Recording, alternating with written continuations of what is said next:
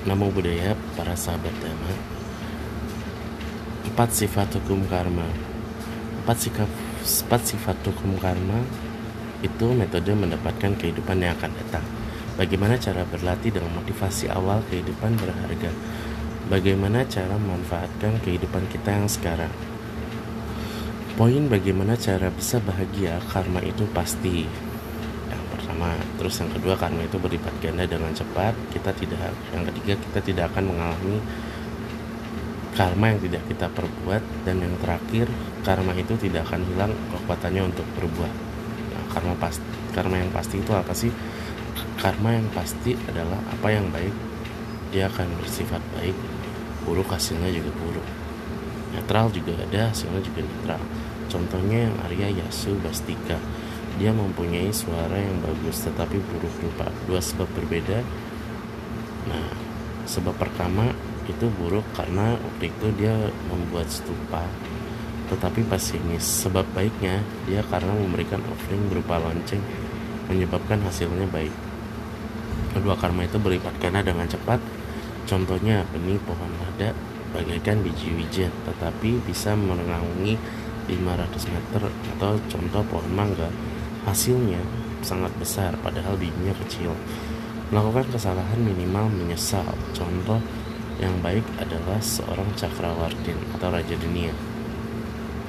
Pada saat lahir ada memegang koin emas. Ketika koin emas itu diambil, masih ada lagi karena kehidupan sebelumnya pernah mengoffering kepada Buddha sebuah uang koin emas dari hasil menjual kayu bakar.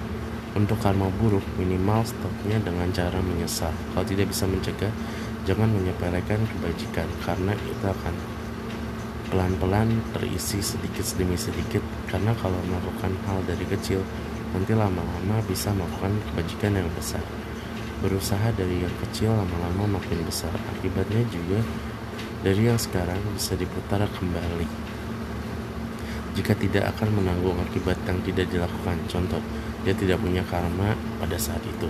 Tapi dengan sifat karma, orang itu tidak punya karma meninggal pada saat itu. Jadi misalnya ada satu kecelakaan nih, contohnya kecelakaan pesawat misalnya ya. Nah, itu tuh kemungkinan hidup kan kecil ya. Tapi ada satu orang yang meninggal ternyata di situ karena ya tidak punya karma untuk meninggal di masa itu. Jadi seperti itu. Kita membuat karma banyak, karma yang banyak sekali. Walaupun kita tidak melakukan apa pun, karma yang kita lakukan itu bisa berlipat ganda. Kita tidak tahu punya karma apa sebenarnya. Kita tidak akan menanggung karma yang tidak kita lakukan. Misalnya yang tadi saya bilang ketika ada kecelakaan, contoh pesawatnya jatuh, semua penumpang meninggal dunia, tetapi ada satu pramugari saja yang selamat dari kecelakaan itu karena kebajikannya dia tidak bisa meninggal di sana. Kita tidak akan menanggung karma yang tidak kita lakukan karena yang kita buat tidak akan menghilang dari kehidupan kita. Kita tidak tahu sudah berapa kali kita lahir. Dia pernah jadi satu alat menemplok di kotoran. Banjir hujan terus ada kotoran yang memutari stupa. Nah jadi ada lalat yang memutari stupa tanpa sengaja. Itu ada satu karma tapi Buddha Sakyamuni pun tahu. Tapi tidak ada yang bisa melihat. Seperti yang mulia Mogalana dan yang mulia Sariputta pun tidak tahu soal alat ini yang akhirnya menjadi manusia ya ketemu ajaran sang Buddha. Tetapi yang mulia yang Arya Mogalana waktu meninggal kenapa tidak bisa menggunakan kekuatan gaibnya nah padahal yang mulia Mogalana kita tahu sendiri ya beliau memiliki kekuatan gaib tapi karena ada satu dan lain hal jadi karmanya itu menghentikan. Nah, dikatakan juga pernah mengucapkan kata kasar dengan ibunya. Jadi yang mulia Mogalana ini ada ucapan kasar akhirnya dia lupa untuk padahal memiliki uh, satu kegaiban ya tapi lupa. Ini adalah contoh karma contoh-contoh karma tidak akan hilang. Karma itu seperti menabung di bank. Prinsipnya karma itu kita buat seperti sekarang kita bisa bertemu karena waktunya akan berkembang dan bertemu lagi. Seperti kita menabung di bank bisa dicek dibahas juga di dalam sutra yang bijak dan yang dungu. Dijelaskan di sini seperti sebab-sebabnya pada saat sebelum tidur.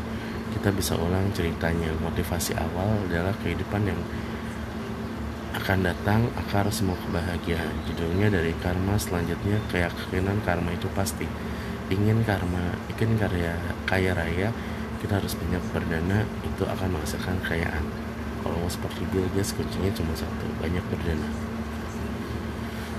karma itu berkembang dengan sangat pesat. Contohnya yang koin tadi karma bis, itu bisa berkembang dengan pesat. Kita tidak akan menerima karma dengan yang belum kita lakukan. Contohnya karyawan baru tapi dia menjadi kepala departemen. Karena karmanya tidak berkondisi dengan saat itu. Dari ini empat ini sebabnya satu tahu yakin apa bedanya tahu hanya tahu saja yakin dia akan melakukan dharma itu bukan di buku tapi harus diresapi lagi. Bisa membuat perubahan dalam diri kita. Contohnya dikasih shock terapi dari jenderal yang kejam akhirnya menjadi biksu. Dia dikhianati akhirnya dia berubah. Bagaimana cara merubah kekagetan itu menjadi kemampuannya? Kita harus bisa merubahnya seperti mencari buku. Akhirnya pengetahuan itu bisa menimbulkan perubahan seperti ini yang benar menjadi dia yakin contoh korupsi dia akan menjadi miskin. Kalau kita di belakang orang yang menjatuhkan duit pengembang contohnya dia ada yang membalikan ke orang itu tapi dia memberikannya contoh lagi uang ada uang yang 100 juta itu di kota Kasablanca dia tidak mengambil tapi dia mengembalikan. Itulah orang yakin pasti dia kembali hasil karma itu perbuatan baik dan perbuatan buruk. Jadi yang tadi kita sempat bilang sebelumnya itu karma itu pasti. Kita itu seperti apa lahir dalam keadaan miskin bukan kesalahanmu tapi jika meninggal dalam kondisi miskin itu adalah kesalahanmu. Ada delapan akibat yang datang sepenuhnya karena belum tentu kita buat karma yang seperti itu. Kalau dia punya banyak uang karena dia sedang membuat banyak kebajikan lebih banyak dari kita. Kita bisa menemukan jawaban karena karma yang kita lakukan dahulu kita ada kasih belum pernah selesai. Itu karena karena masa lalu yang belum terselesaikan